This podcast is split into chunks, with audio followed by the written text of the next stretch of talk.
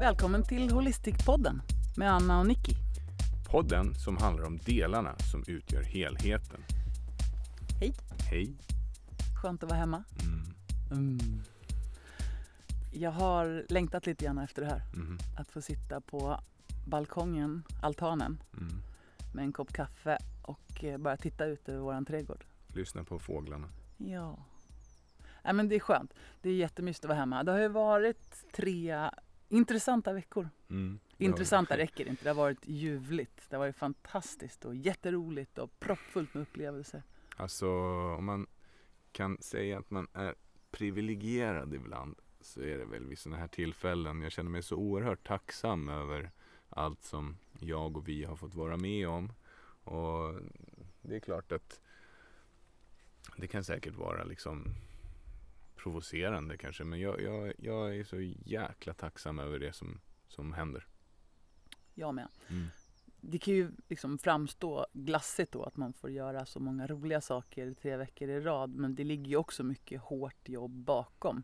Mm, Vi står ju också vid bänken och sliter av liksom. Alltså det, våra, alla veckor ser olika ut. Sen är det så här, things just don't happen. Alltså det är bara, det blir bara inte plötsligt på ett visst sätt utan man har jobbat med det man har gjort under väldigt lång tid så, så händer roliga saker och det, det känns precis så. Ja. Mm, Det varit jättekul i alla fall. mm, Nu, nu ska vi se hur det här blir. Det här avsnittet kommer då att komma ut på påskdagen. mm, Och det innebär att, vad har vi, sista avsnittet innan dess kom ju då ut ja, vi eh, hade, ja, men bara för att ta det korta, vi var ju, först var det bla bla bla en vecka, sen så eh, var vi på Gran Canaria en vecka och mm, jobbade Mm, och hade kul. mm. Och sen kom vi till Mallis och det har vi inte pratat så jättemycket om. Nej, förutom i eh, föregående podcast med Julian Stubbs där vi Just pratade det, om work-life balance. Men det blir en parallell podcast kan man säga. precis, det det blir kommer en två bonus. avsnitt. Ja, Ja. precis, det kommer två avsnitt den här söndagen. Det ena kommer vara på engelska och det andra kommer vara på svenska. Mm, mm, Härligt. och, och det som hände det var att vi då flög hem från Gran Canaria.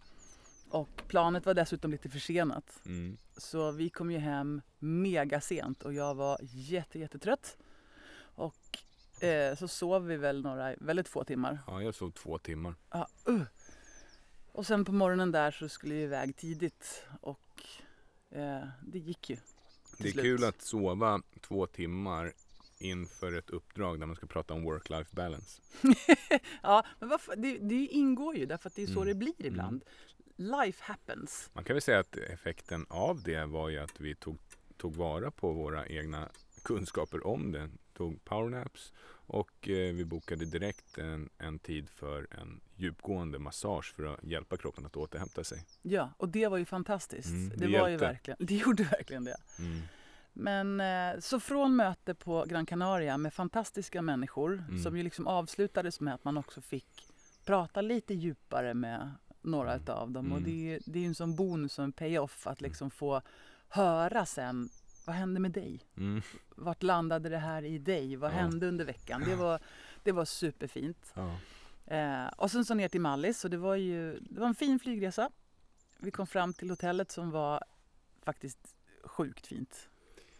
Ja, det var fantastiskt fint. Det är ju så här, vi är inte bortskämda med att sova på femstjärniga lyxhotell. Nej. Det kan man inte säga. Och nu vart vi mer bjudna av Apto där de sov på det här Pure Salt eh, Luxury. Hotel Garonda Mm. på Palma Beach. Ja. Mm. Så gick vi ut på, det var ju vansinnigt fint där. Så gick vi ut på beachen och sen så tog vi lite tapas. Mm. Och så kändes det sådär, du vet man får de där lyckokickarna i magen och man bara känner åh gud vad mysigt det är. Så vi satt där i solen och käkade tapas och kände oss lite lycksaliga tror jag. Det blir sån abstrakt känsla för att det blir sån kontrast. Alltså, vi hade ju varit på Gran Canaria, det har ju aldrig hänt att det varit på så här sättet för oss tidigare, men vi var ju på Gran Canaria bara innan och så kom man till Mallis som en helt annorlunda eh, experience. Ja det var det verkligen, det var Ja. två olika smaker. Ja, det var det. Och sen så kommer man hem till Sverige igen. Och så, det är liksom tre stora intryck Mm. i en kort begränsad tidsperiod. Mm. Det är så jäkla häftigt. Mm. Mm. Men helt kort då så kan vi berätta att eh, då landade vi där på, vad var det då? Onsdagen? Nej jag har ingen koll på dagarna. Vart? Vänta, Vi landade ju på Mallis i söndags. Ja, ja. det var det jag Vi menade. åkte hem på onsdagen. Ja, just det. Mm, Jag mm. vet. Ja, full kontroll. Då, och då började ju själva, ja men då var det jättemysigt. Då var det en eh, mingelfest på söndagskvällen Mm, där man fick träffa alla. mm, Och så fick man tappas och så fick man prata och Mm. mingla och skåla. Och det var rätt ballt liksom Mm. att träffa människor då. Då hade de ett upprop där de sa eh, alla från Skottland och så sträckte två personer upp Mm. händerna. Alla från eh, Småland. Nej, från Nej. Sverige. Ja men du vet från Tyskland och allt vad det var. Så det var ju folk där Australien. Mm, från alla möjliga länder. mm, Därför att det unika med app är att de har människor utspridda över hela världen. mm, De tar sig an uppdrag mm. och sen så jobbar de över tidszonerna. Så Mm. de skapar ett samarbete att när det är dags att gå hem i Tyskland, Mm, ja, men då lämnar man över projektet till till exempel USA. mm, Och då är det morgon där och då tar de vid och så Mm. jobbar de. Och sen när det är stängning i USA då lämnar de över till nästa tidszon. Och det är supercoolt. Och det känns så himla nytt och fräscht och spännande, mm, deras koncept. Mm. Sen hade vi ett morgonpass Mm. och det var movability och jag var on fire. Jag var så jävla glad och var taggad. Men du var så sjukt bra på din engelska då också. Du vet, så, många gånger vill man repetera engelskan för att man ska veta vad man ska säga, men det bara Mm. flödade ur dig. Du var i flow. Mm, jag, var i, jag var i flow och det var en fantastisk eh, morgonsession som vi hade där. Ja. När vi liksom approachade kroppens alla delar och funktioner och liksom att få... Kan jag ge lite kort om movability? Vad är det för något? Det är ditt koncept. Det är ett pass som jag har skapat Mm. som tar sig an hela kroppen och kroppens möjligheter. Och många av de här bitarna som man inte jobbar med vanligtvis, handleder, fotleder, nacke, djupa kår, komplexa sammanhängande rörelser. Och att man också blandar in balans, rörlighet, ibland spänst, styrka. Alltså det är lite av allt. Mm. Kroppsintelligens skulle jag Mm. nästan vilja säga. Mm. Mm. Så är det. Så det var ett fantastiskt pass och det var en grymt bra känsla efteråt. Sen gick vi och käkade frulle och sen inleddes då hela eh, meetup. Mm. Och då hade vi våra TED-talk. Vi hade Mm. 18 minuter på oss att förmedla How not to die in the advertising business. Och jag tycker att det föredraget gick kanonbra. Eh, vi fick, det, det är svårt att destillera sig till 18 minuter. Ja, men det, bli, det blev väldigt bra. Det blev kul också. Mm. Jag tycker det blev grymt och får vi tag på filmen så lägger vi ut den. Ja. Mm. Mm. Eh, sen var det lunch, vi promenixade bort till någon pizzeria där och vi fick, de slängde fram eh, caprese och Pizzor. pizzor och det var nice. Och så plötsligt så bara, "Woo! nu är det våran workshop. Mm. Ja. Och då hade vi en breakout session där vi jobbade lite mer djupgående Mm. med den holistiska modellen. Och det jag älskar med att få den chansen, Mm. det är ju att när man jobbar djupgående och coachar fram saker och ting. Vilket ju är vårt lilla koncept när vi jobbar med våra kurser och föredrag. Det är ju alltid ett coachande förhållningssätt. Så att Mm. även om folk inte lägger märke till det så blir de coachade och coachar varandra. Ja, och Mm. det innebär att när man då gör så här, då är det som att plantera ett frö. Mm. Och man vet aldrig när det där fröet ska börja spira och gro och Nej. växa. Det är olika för alla människor. Mm. Men fröet blir planterat. Mm. Och det här tycker jag är så vansinnigt spännande. Så det blev en jättebra session och kvittot på det är ju att folk liksom eh, man ser efteråt. De stannar Mm. kvar, de har kommentarer och ställer frågor. Och, eh, ibland kommer fram och delar med sig liksom, om hur det här berörde dem Ja. och på vilket sätt. Och för Mm. mig är det liksom en pay-off att få, att få ta del av hur det Mm. landar i människor. Ja, det var coolt. Men du, det var inte första gången vi var på Mallorca tillsammans. Nej, alltså det var ju inte det. Nu måste jag bara berätta en gång till. Att sen så hade vi ett pass också. Ja, just sen så Mm. cyklade vi in till Palma och sen så käkade vi tapas och sen så... Ah, det var en helt grym upplevelse. Cyklingen till Palma längs med beachen där Ja. var ju 15 kilometer enkel väg och det var ju det var ju magiskt fint. Ja, och Cykla du på älskade det där. Ja, men jag gillar att cykla på vanliga mm, liksom standardcyklar och så bara glida runt i 15-16 eh, kilometer i timmen Så här, Så här det, sakta fin Ja, cykling, bara det är- flanera. det är inte som när man kör på racecykeln och ligger och pumpar på 70-80 km i timmen. Nej, skoj bara. Men Ja, ja, nej. här går det väsentligt fortare. Men det var så jäkla underbart. Och man, man kan cykla, man får lite motion och man kan hinner titta på saker och, och stannar upp och fotar lite grann. Ja men det är fantastiskt. Mm. Mm. Ja, det var i alla fall en väldigt, väldigt fin vecka. Men precis som du sa, det var inte första gången vi var på Mallis. Nej, när var vi här tillsammans, där tillsammans senast då? Det var ju 2016 Just det. och det var ju för att du är född 1976. Nu Ja. outade jag dig här. Ja men det gör inget. Nej, det jag, gör jag, är fort, jag är så ung, kan man Mhm. inte tro. Mm. Och jag är ännu yngre. Mm. Jo, men jag är ju Inte. 43, men då var jag precis fyllda 40 den 3 februari eh, ja, 2016. Just Så fyllde jag 40 år och jag hade länge liksom, jag hade planerat för den här grejen som hände sen egentligen men jag hade inte fått tummen ur och faktiskt bokat någonting utan jag fick en present av dig då i 40-årspresent. Vad var det för något? Din lilla knasboll. Mm. För du gav ju mig en resa till New York när jag fyllde 40. Eh, jag och din mamma. Ja, ja, ja, ja självklart. Ja. Det var hela, hela familjen chippade in. Ja, hela familjen chippade in. Mm. Mm. Och då tänkte jag så här, då borde du också få en resa till New York. Fast det blir ju på ett sätt jätteknasigt. Så här, är det standardlösningen när man fyllde 40? så då tänkte jag så här, nej men Tokyo har vi länge velat åka till. Det vore super, ja, super Det coolt. hade ju också varit häftigt. Men sen smög sig en annan tanke in. Mm, Eh, och det här var ganska egoistiskt också. Mm. Tänk om jag skulle anmäla oss till en Ironman och ge det i 40-årspresent. Hur coolt vore inte det? Mm. Det hade ju varit Normalcaset hade ju varit att man anmäler en Ironman som går om två år. Mm. För att man vill ha tid att träna upp sig. Mm. Men vad Men gjorde du ett då? halv, det var ett halvår. Ja, jag fyllde i februari och den här gick av stapeln. 24 september. Ja. Mm. Men du, Mm. så eh, vi, ska, vi ska prata om Ironman idag. Yes, Men vi ska inte sitta liksom bara då och säga techsnacka. Yay, Nej. look at me. Mm. I Och did inte an bara Ironman. teknikprata. Nej, Mm. utan vi ska prata om själva upplevelsen att ta sig an en utmaning. Mm. Hur det är, vad man kan tänka på eh, och vad, vad vi lärde oss. Mm. Och det här behöver, en utmaning behöver inte vara en Ironman, det kan ju vara vad som helst. Liksom. Så Ironman får stå som ett exempel för en utmaning som balanserar på jag vill, men jag vet fasen inte om jag klarar det. Den där hårfina linjen mellan dårskap och eh, liksom klokskap. Ja, lite så. Mm. Så om vi pratar om ämnet Ironman, Mm. som i sin tur egentligen då står för utmaning. Mm. Vad, vad tänker vi att det ska leda till för lyssnarna? Det finns ju massor med folk som inte tycker att det är särskilt intressant med varken triathlon eller Ironman. Man kan väl tänka att hjärnan funkar eh, genom metaforer och bestäm, alltså lyssna på det med ett open mindset och Mm. ta det som en metafor för livet istället. Alltså, jag, jag personligen rekommenderar inte folk att köra Ironman. Alltså gör vad ni vill av era liv.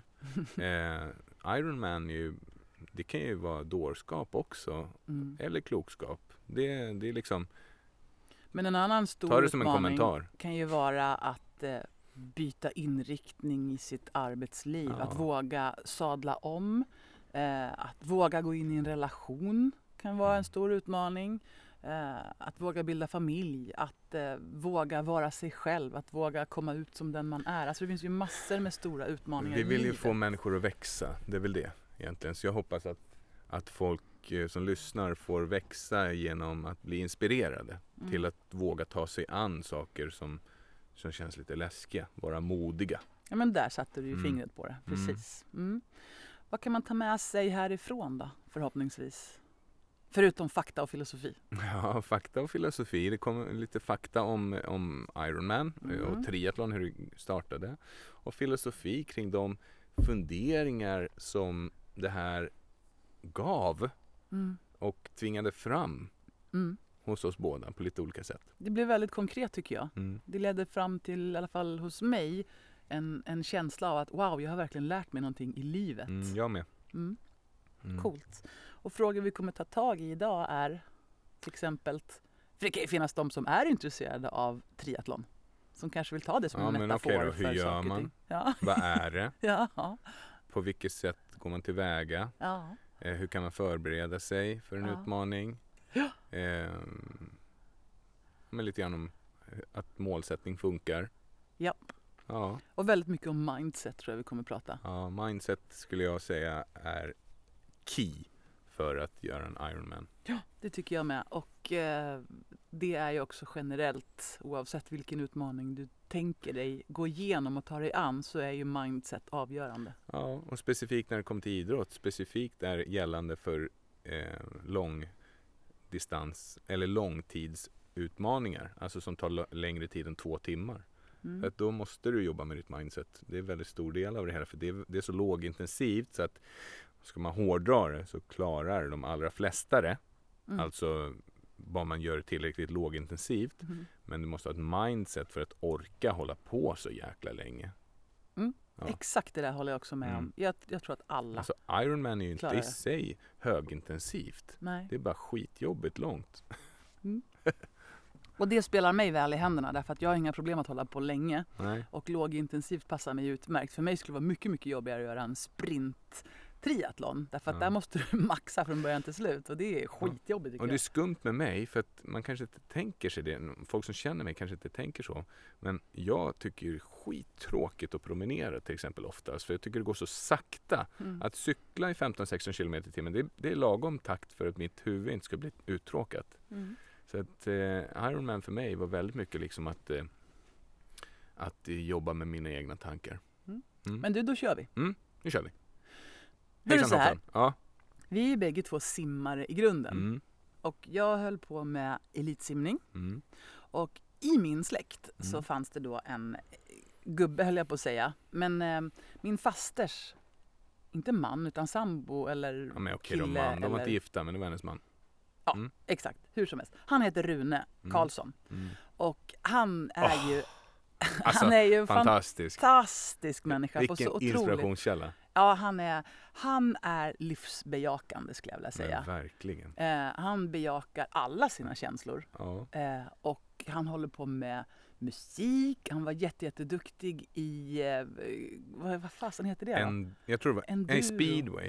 Nej, Nej. enduro var det. Enduro. Ja, alltså enduro. motocross Mm. eh, stil. Och lustigt nog så är Mm. han pappa till Martin Söderström som ju nu är en världsstjärna i dirt-cykling. Ja, eller slopestyle också. Ja. Och han är ju, han är ju, man ska så här, hans son Martin Söderström är ju, han är världens bästa slopestyle-åkare. Ja. Och har varit och topprankad och sådär. Så googla på Martin Söderström. Lustigt hur Mm. saker går i arv. Mm. Hur som helst. Mm.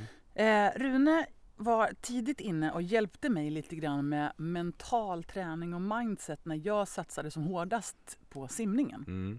Eh, och det var ju jättespännande. Mm. Och när jag då slutade med simningen Ja. då var han klok nog att säga du behöver ägna dig åt något annat nu. Det var ju får- otroligt osjälviskt och snällt av honom. Ja, nu glömde jag säga att han höll på med många saker. Bland annat så var han en av pionjärerna inom triathlon i Sverige. Ja. Och han sa, nu behöver du liksom lägga din energi någon annanstans för Ja. du har så mycket energi och det Mm. hade jag ju verkligen. Tillsammans med en av våra lärare från Naprapathögskolan och duktig naprapat i Uppsala som heter Mats Överberg. Som också var tidigt inne Mm. på triathlon, precis. Mm. Eh, så han introducerade mig Mm. till triathlon. Han sa, nu har jag anmält oss, vi ska köra Stockholm City Triathlon. Jaha, vad, hur gör man då, då? Så jag Mm. kom dit totalt oförberedd kan man säga. Mm. Eh, så när vi checkade in där så sa de så här, du måste ha en hjälm. Mm. Va? Så fick jag köpa en skitful hjälm. Det ser ut som jag hade halva Globen på huvudet. Och En sån här vit stor Det frigolitgreja. passar ju bra, passar ju bra så här till påsk. ja. Egghead. Ja. Eh, dessutom så hade jag ingen triathlondräkt. Nej. Så då sa han, men du kan, du kan låna min. Mm. och han är typ två meter lång och man. Och Mm. jag är tjej och eh, 1,70 Var ungefär. det sajt? Ja. Men jag tänkte, japp, det gör jag. och så gick starten och då Mhm. var det enkelt. Skulle simma rakt ut i Riddarfjärden. Mm. Tjopp! Mm. Och sen så, det första, för mig som simmare då, jag var helt oförberedd på att simma i öppet vatten. ja. Jag var liksom van med crystal clear med linor och grejer Ja, i en simbassäng. Och plötsligt var det liksom sjögräs och alger som uh, var överallt. Det var vågor och det var människor som liksom hävde sig Mm. på en och över en. Mm. Det är lite knasigt faktiskt. Ja. Alltså det är crazy när man Det kör. är crazy och är man oförberedd på det där så blir man jätteförvånad. Mm. Sen nästa gång så vet man ju. Ja, jag kan också tänka mig om man är en inte så jättebra simmare så är det nog en utmaning. Ja. Ja, men jag var ju en grymt bra simmare men det var ändå liksom chockartat hur Mm. Knasigt det var med vågor, människor som tafsade på en, sjögräs som slämmade på en och sen båtar som liksom åkte fram och tillbaks. Ja, det var skumt. Eh, och typiskt mig då, så, ja, men det, det gick jättebra att simma. Mm. Och sen när vi kom upp så hade jag liksom inte tänkt igenom hur en växling går till. Nej. Så jag blev alldeles chockad när folk sprang Mm. från simningen till att växla över till cykling. Jaha. Och i mitt huvud så var det så här, "Ja, men nu har vi ju precis liksom ansträngt oss, ska vi inte vila lite? jag vet inte hur jag tänkte. Så jag blev så här lite irriterad på alla de som liksom sprintade upp och slet av sig badmössan och grejer. Så jag kom till min cykel och då hade jag kommit upp bland de absolut första ur vattnet. Mm. Och mina släktingar var ju liksom eld och lågor. Wow, kom igen nu! Och då satte jag mig ner och torkade mig mellan tårna och tog på mig strumpor. Och de bara, men Alltså det är så jäkla typiskt Anna ändå. Man känner, ja, ja, okej så här gör man väl. ogenomtänkt liksom, Mm. kan man säga. Ja, det är inte du i och för Och sig. de skrek ju. Ställ dig upp, kom iväg, vad håller du på med?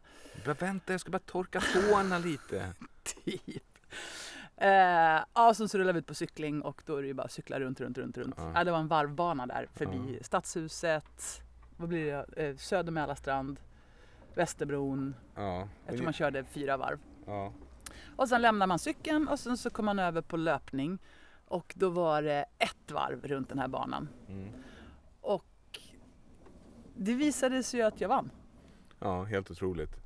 Så då var det ju kul. Ja. Och på så sätt kom jag in på det här med triathlon och sen så fortsatte jag med det Mm. lite grann. Så när vi träffades, Mm. då var det där någonting som jag höll på med. Ja, det var det. Och ditt mindset sa då att Man kan säga att du inspirerade din brorsa till också för då höll ni på med det allihopa.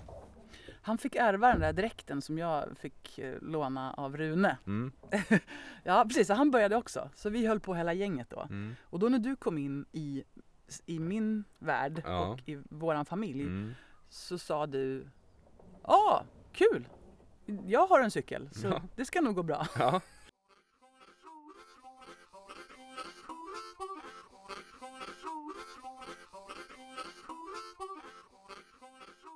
Triathlon är en uthållighetsidrott som består av tre grenar. Simning, cykling och löpning.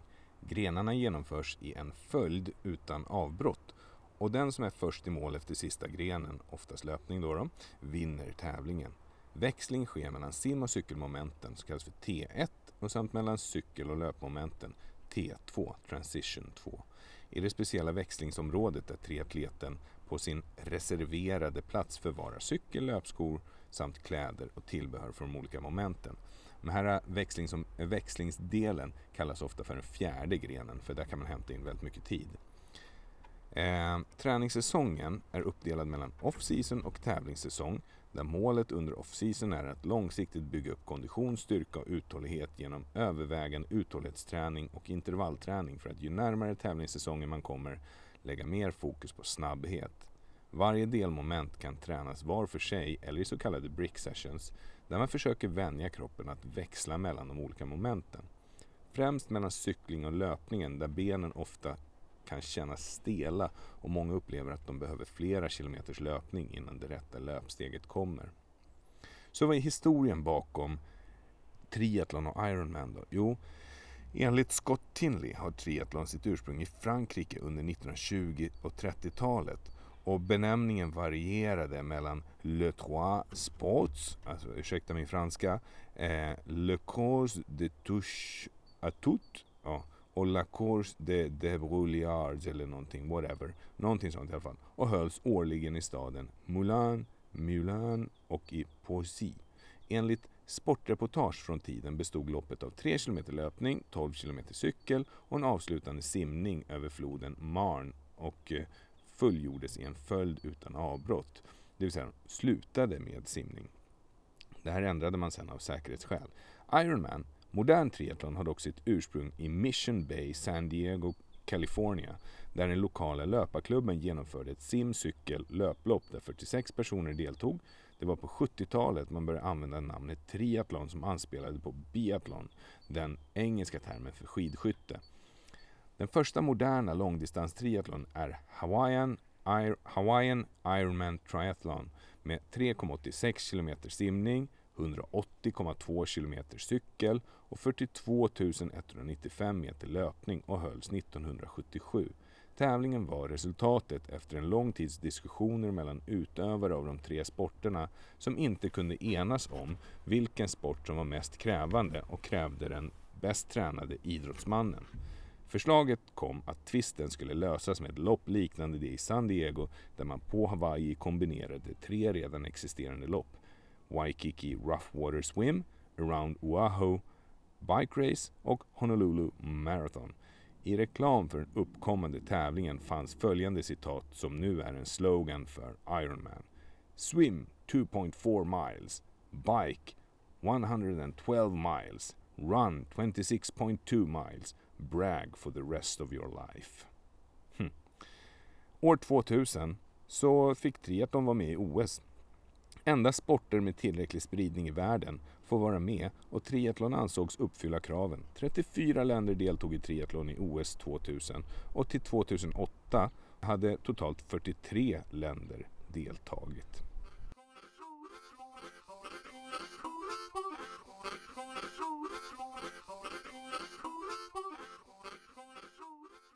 Så jag hade faktiskt, eh, jag hade en cykel men mitt första triathlon då lånade jag faktiskt, eh, vad, vad kallade vi den? Den här rosa stora cykeln som du hade cyklat på någon gång. Ja. Med vit sadel och stor jädra stålpanna. Men vad hade jag för cykel då i så fall? Gjutjärn. Ja, du fick nog låna någon annan. Jag, ja, Äh, jag, jag minns inte. Skitsamma. Äh. Mitt första var i alla fall lamadjurets triathlon i Örsundsbro. Mm. Och eh, då minns jag väldigt tydligt en, en person som simmade där i ån med flytväst på sig. Mm.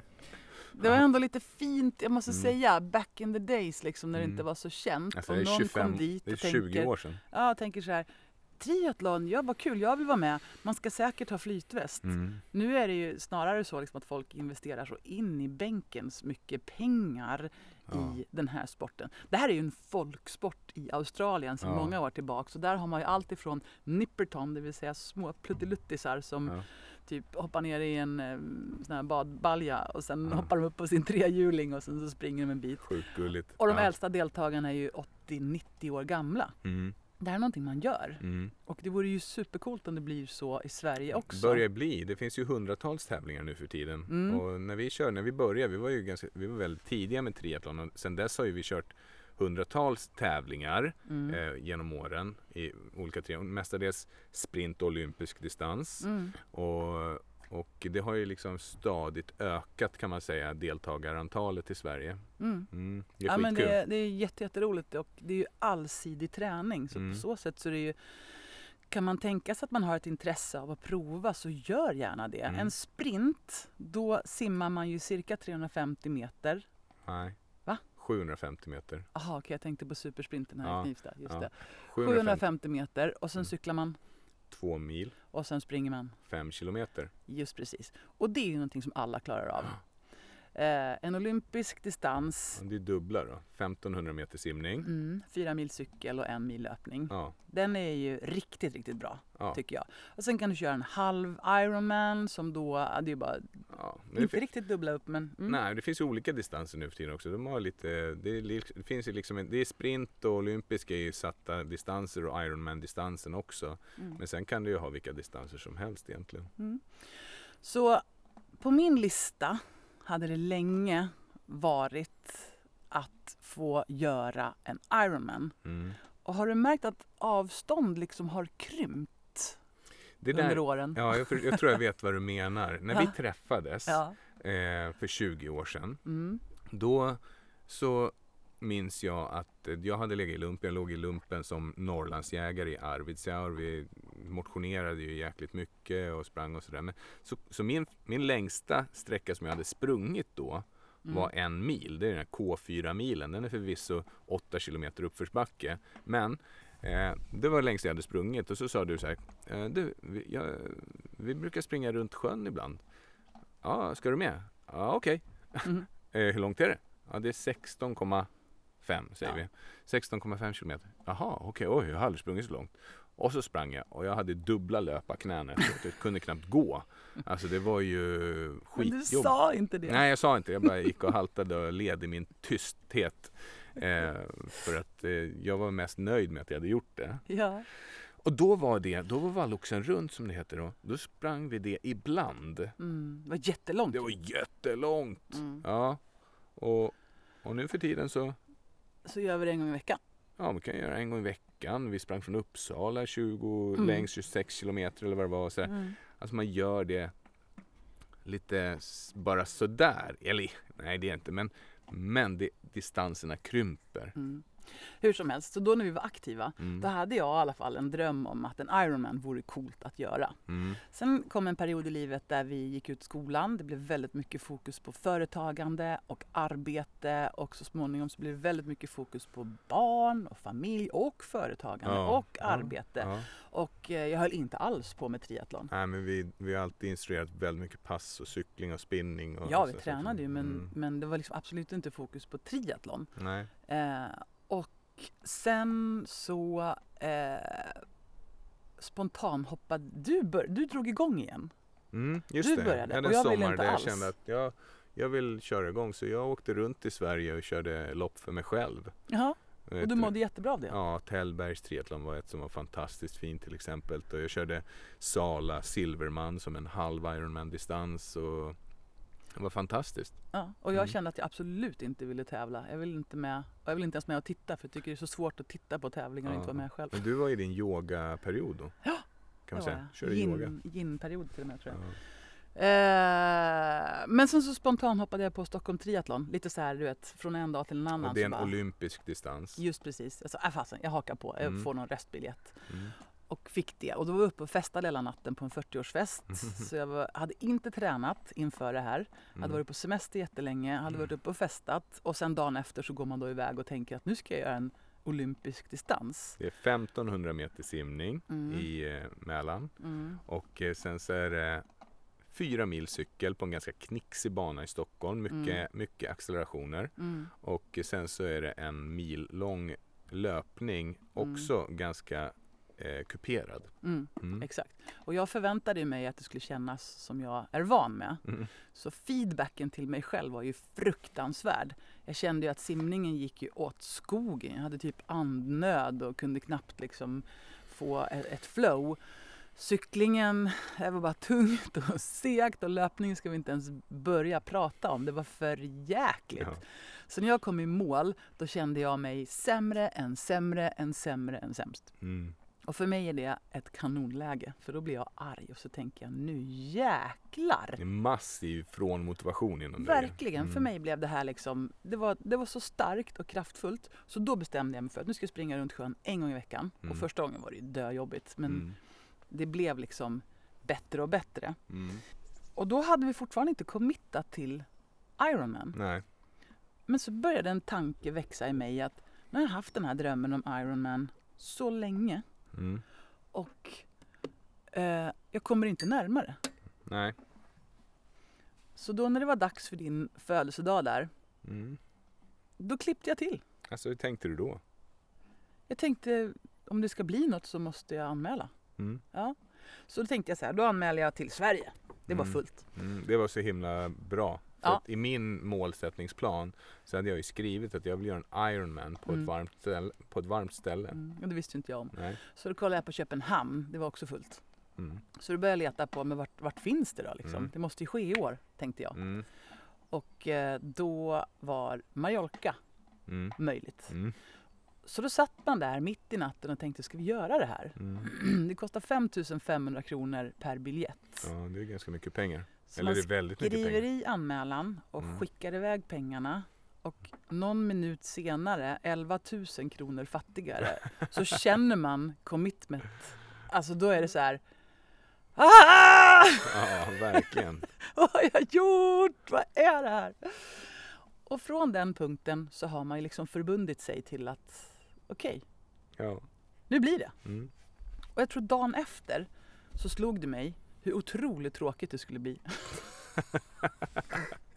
För att då förstår man ju att man måste ägna mängder av tid ute på landsväg. Cykla, cykla, cykla, cykla. Springa, springa, Springa, springa, springa, springa. Simma, simma, simma. Ja, alltså det är distanspass i mängder liksom. Och det, det per helg, på helgen har man ju chansen att göra de här distanspassen. Ja, men då ska du ut och cykla i tre, fyra, fem timmar. Mm. Och vi har familj Mm. Och, företag att driva. Mm. Jag förbannade mig själv och tänkte bara vad är det här? Hur var det för dig när du fick eh, startbiljetten? Ja men då var det så här. Wow, äntligen! Nu, blir, nu kommer det bli av kände jag då. Att jag kände att eh, det här var ju någonting som jag hade målsatt. Och, men jag hade inte committat till det genom att eh, boka någon plats ännu. Utan det, det gjorde ju du så himla lämpligt. Och jag kände inte den där stressen av att jag måste träna, träna, träna. Eh, och lång, lång, lång distans. För min filosofi är inte den. Jag, jag, jag tror inte på att distansträna för att bli bra på, distansträn- på distanstävlingar. Utan man måste det till viss del. Men du måste stärka upp kroppen, du måste bygga upp strukturen i kroppen. Och då tycker jag att man bör satsa mer på styrketräning och intervaller och kortare distanser som kroppen inte blir så sliten av. Mm. Så vi tänkte lite olika som Mm. vi ofta gör Ja. faktiskt. Mm. Så jag hade otroligt mycket kul därför att det som också var, det var att vi fick med oss våran kompis Kristin. Ja, Ja. Så Kristin och jag hade ju liksom fantastiska tider tillsammans där vi gick upp tidigt och simmade, gick upp tidigt och sprang, vi cyklade långa turer, eh, vi bröt ihop tillsammans, vi kom igen tillsammans. Det var liksom som alltid när man gör en utmaning, Mm. typ en klassiker eller så, så är det liksom resan dit Mm. som blir så värdefull. Och jag kommer alltid att minnas det här året som magiskt. ja. Söndagslöpningarna var ju grymma. Ja, vi committade till att vi springer runt sjön varje söndag oavsett vad. Mm. Jag minns en gång när det var minus 15 grader och man kunde knappt andas. Ja, Det var skithäftigt. Vi har bilder på det. Det var, det var coolt. likaså en gång när vi sprang runt sjön och inte hade räknat med att det blev vintertid. Så solen gick ner och det blev beckmörkt och vi sprang liksom på känn. Ja. Ja, det var, det var tider det. Mm. Det var magiskt, det var väldigt, väldigt, väldigt fint. Men jag, du, ni gick upp tidigt, simmade, ni gick upp och alltså, cyklade och så. Jag hakade ju inte på er på allt det där. Nej. Nej, Det gjorde du inte. mm, det gick ganska gick, bra ändå. Det gick din väg, ja Mm. verkligen.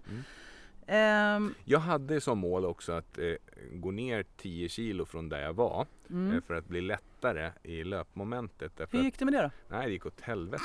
eh, det gick liksom inte bra alls för det kom ju en sommar däremellan och Italien och mm, ja, allt fint. Jam, jam, jam, jam. Ja, det fanns Ja. sjukt mycket goda kolhydrater att mumsa på. Så att Mm. när jag, när jag stod på startlinjen till Ironman då var jag typ eh, två kilo lättare än vad jag hade tänkt.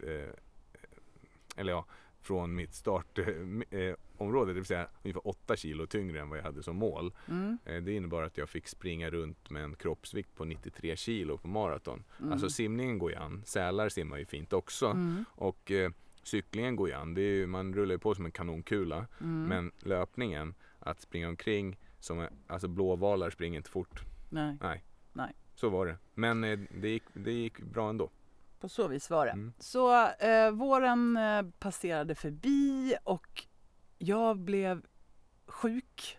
Mm. Och så här i efterhand så kan jag ju förstå att jag vilade ju inte tillräckligt och Nej. blev då infektionskänslig och drog på mig en förkylning som inte gick över på sju veckor. Alltså, it was out of this world. Ja, det var sjukt jobbigt. Mm. Och när man då liksom vet vad man siktar på och bara märker att jag är sjuk och varje gång jag liksom försökte komma igång så sa kroppen nej, nej, nej, det Det går var ju inte. kroppens visdom så här i efterhand. Absolut var det det. Liksom. Och skulle jag göra om det så skulle jag göra på ett annat sätt. Men Ja. nu, nu blev det så. Eh, och sen framåt maj där så började jag känna att wow, liksom nu, nu måste någonting hända åt Mm. rätt håll. Mm.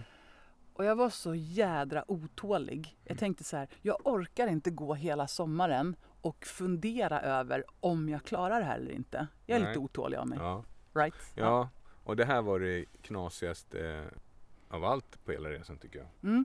Att plötsligt en dag så fick jag en ingivelse. Mm. Jag vet inte vad det var. Jag såg nå... eh, Det var som att universum talade med mig.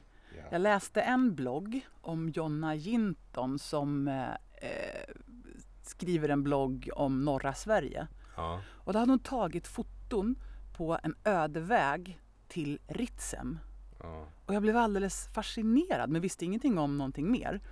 Eh, och sen hamnade jag på Sofie Lantos Instagram där Mm. hon berättade att Åh, ni vet väl att det går en fulldistans uppe i Gällivare Mm.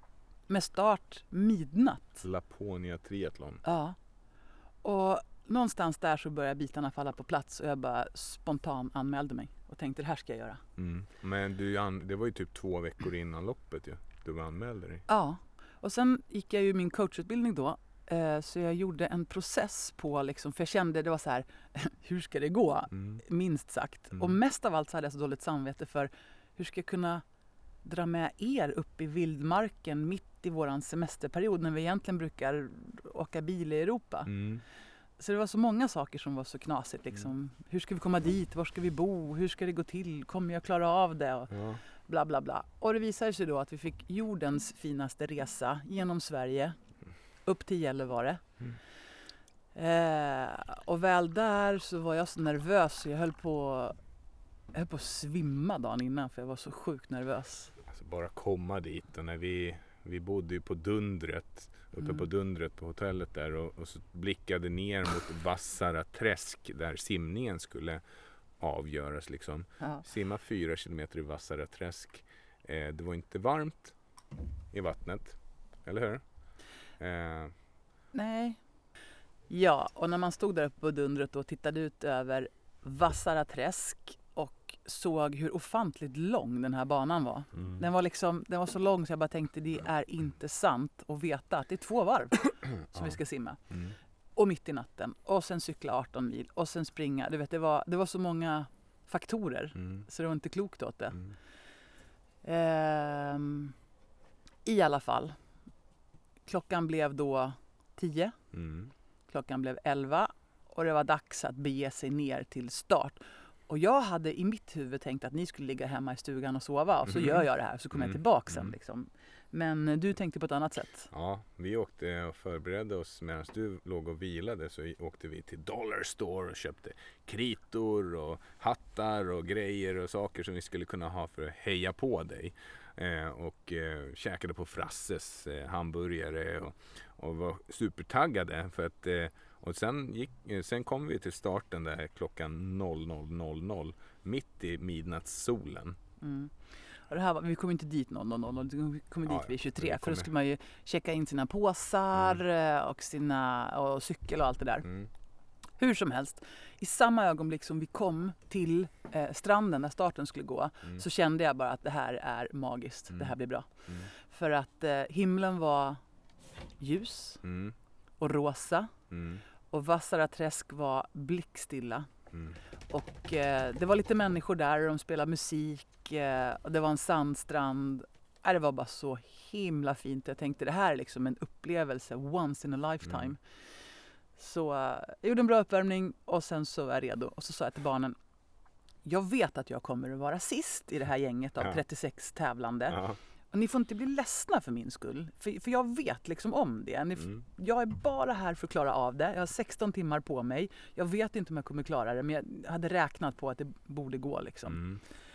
Ehm, hur som helst, starten gick och jag hade räknat ut en taktik för simningen och liksom bla bla bla bla bla. Ja. Redan efter ett varv så stod det klart att jag var först. Mm. När du, du hoppade i och simmade, vi tänkte så här, ja vi tar det lugnt. Och så, så kom, man såg inte för ni bara försvann bort i horisonten där borta. För det Mm. var så lång bana. Och så kommer ni tillbaka, vi kollar. Fan, fan, känner igen den där simstilen. Kolla på armarna, på isättningarna. Då sa jag till barnen, jag bara, nej men hörni barnen. Alltså det är mamma. Hon är först.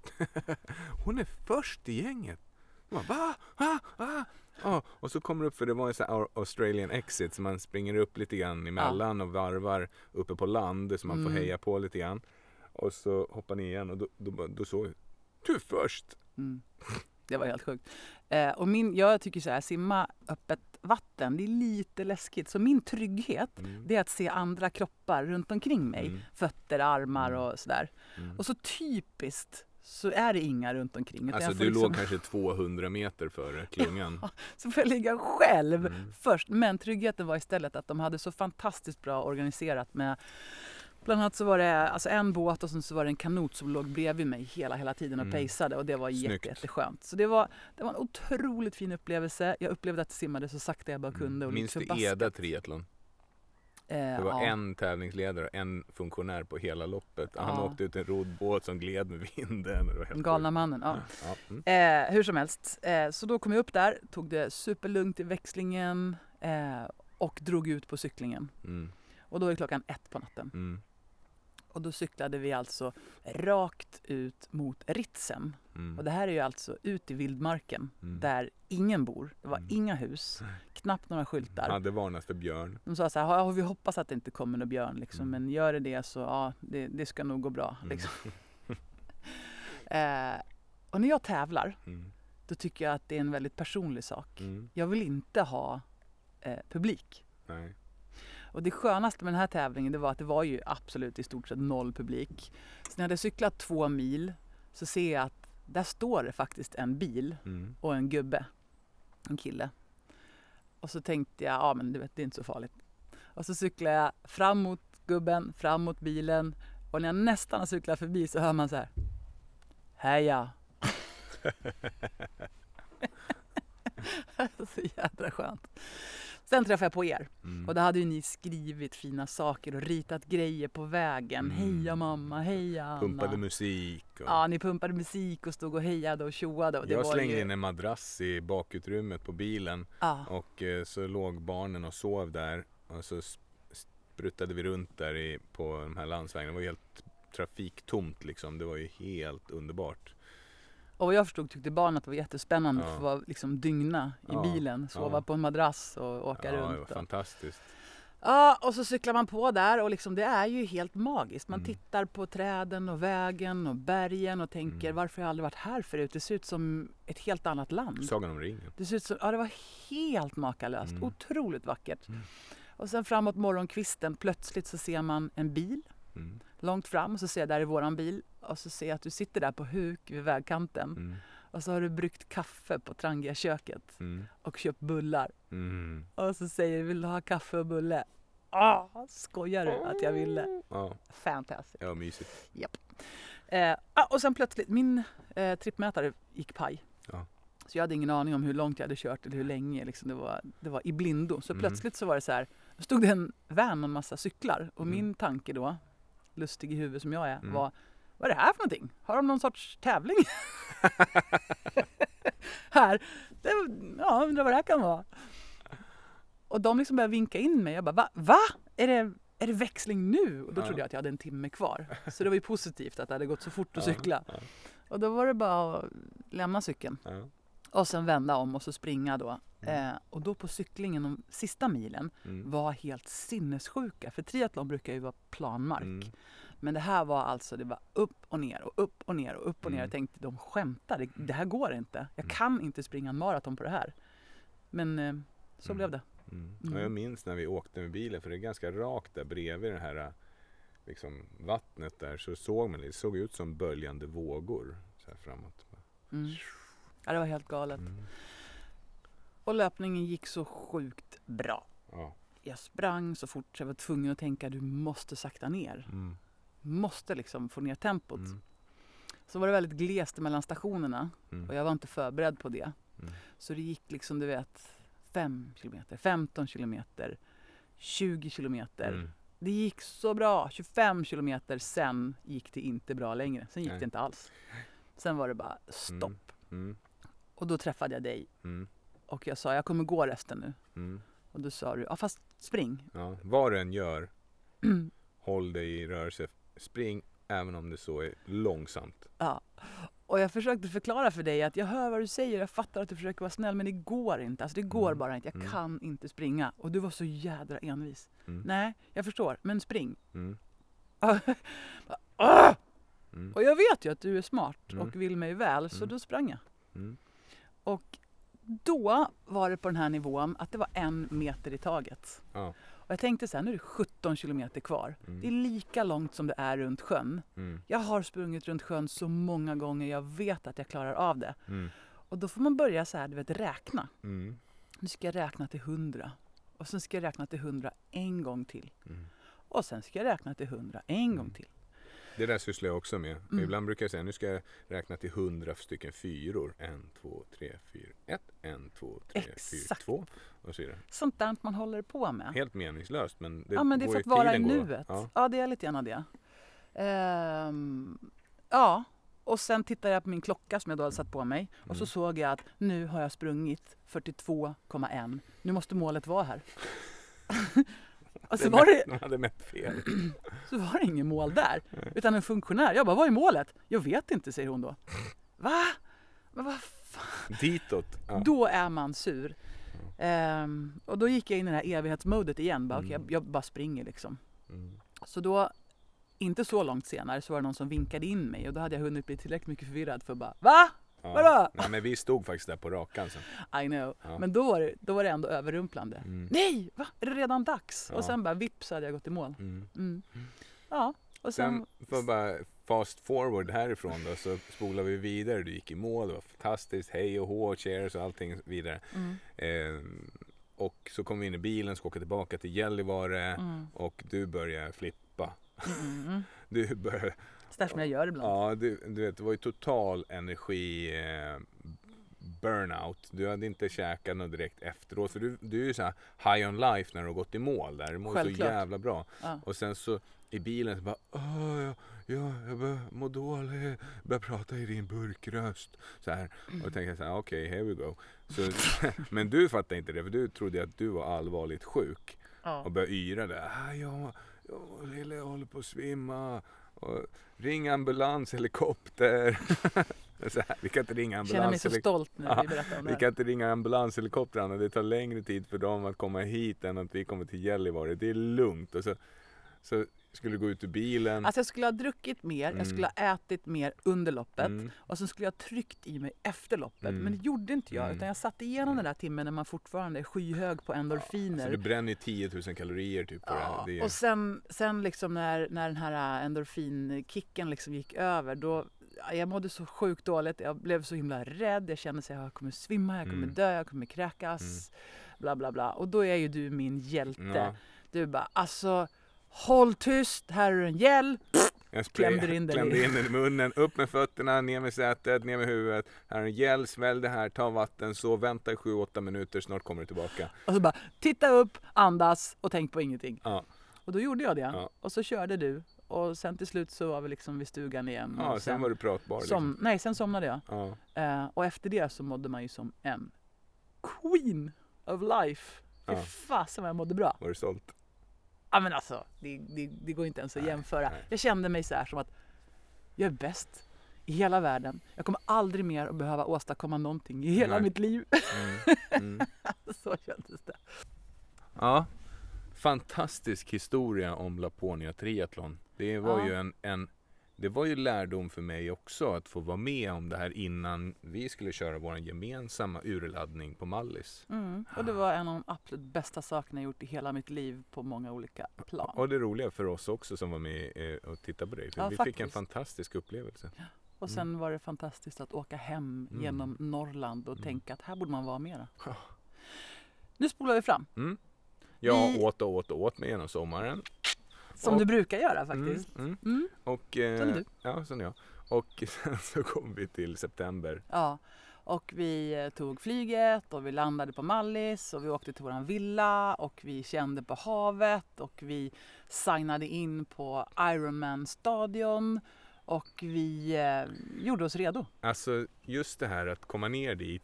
Man börjar liksom gå runt i området. Så börjar man, vart är det någonstans? Vart är det någonstans? Och så kommer man till hela det här megaspektaklet som de har dragit igång. Så förstår man att de här 5500 kronorna, de är väl investerade. Det är riktigt, riktigt stort arrangemang. Det är flera dagar innan som saker och ting pågår.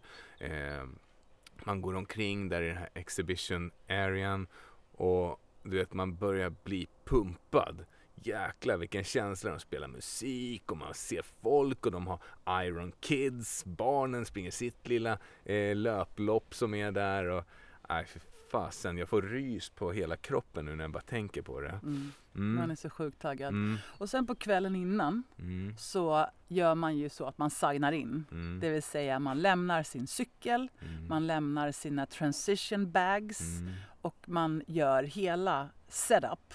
Och sen är det ju bara så att man ska sova, gå upp aptidigt och racea. Det är det som Ja. återstår. Och innan, vi hade ju preppat cyklarna också med alla bars och gels och drickaflaskor och vi hade lagt på extra salttabletter för att det var varmt. Så vi hade salttabletter som man kunde ta för att inte få kramp och grejer. Mm.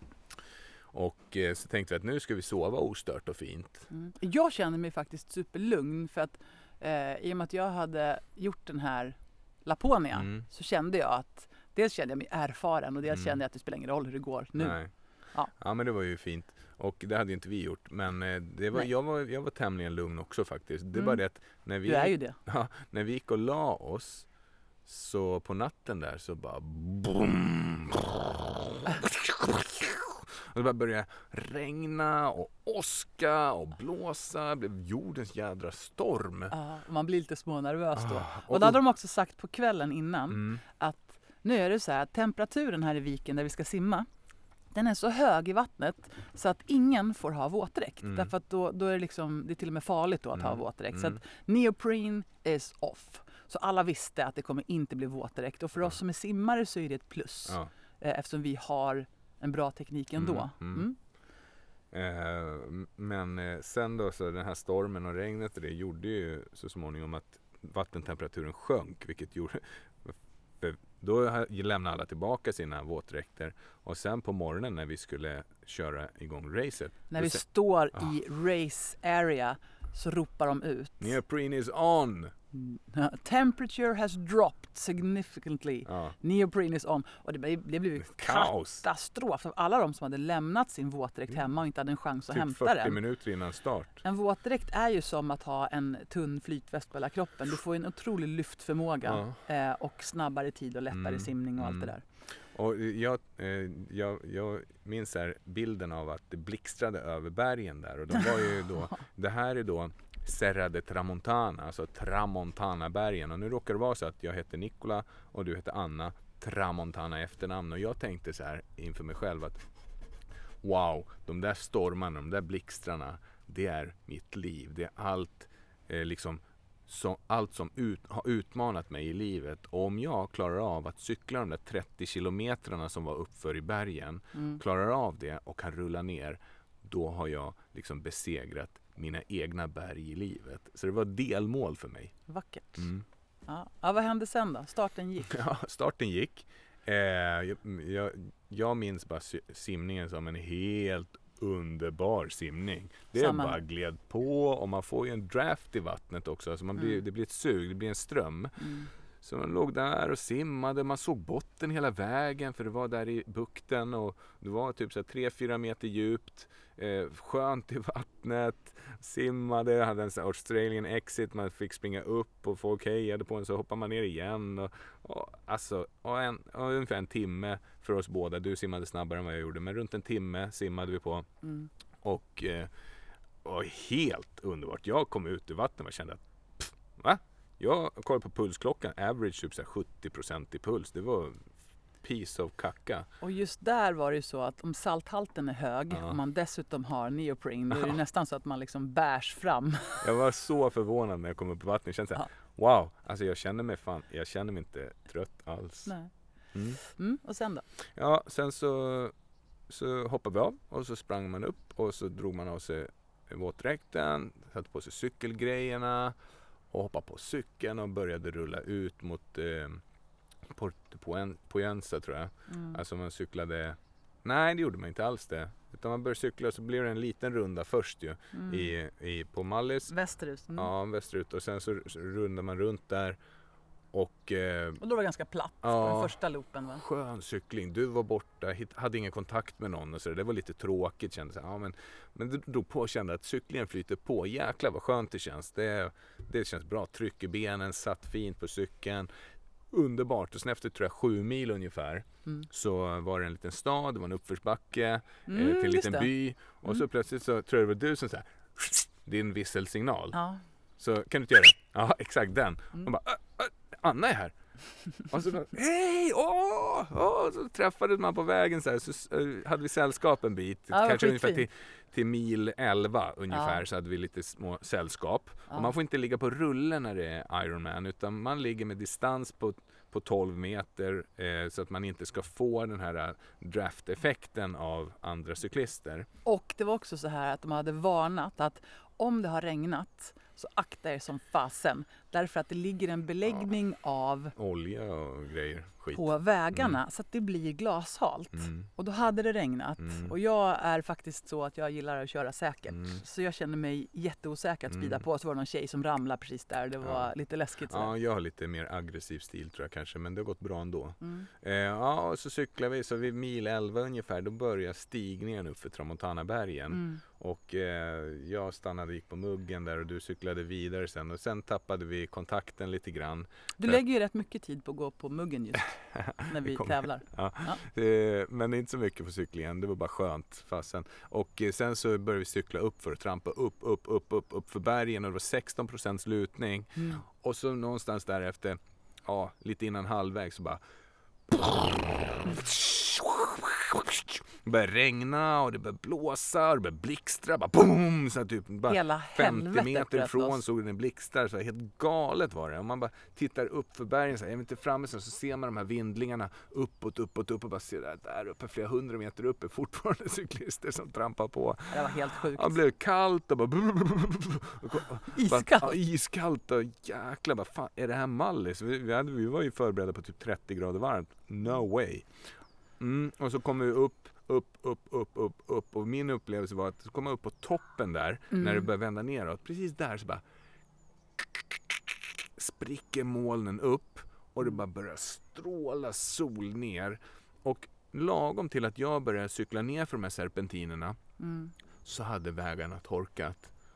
Det hade de inte för mig Nej, kanske. för min del så bara svischa ner och jag tror att jag uppmätte min högsta hastighet på 75 km i timmen där. Nej Eh, fy fan. Jag bromsade mig ner och det sista barnen sa var så här, mamma ta det försiktigt. Mm, de sa inte pappa ta det försiktigt. Nej. Och så jag, jag tog det där på högsta allvar. Jag ska, jag ska ta det försiktigt. Så jag cyklade som en tant ner för Serporna där. ja, inte jag. Jag tyckte det var supermysigt. Mm. Bara swishade där och det var mm, ja, underbart. Mm. Och sen så en bit ner då så möttes vi igen. Mm. Så det var typ mil 15. Mm. Och då var det lite tävling. Då kände jag så här, nej men nu Ja, nu jävlar. trycker vi på.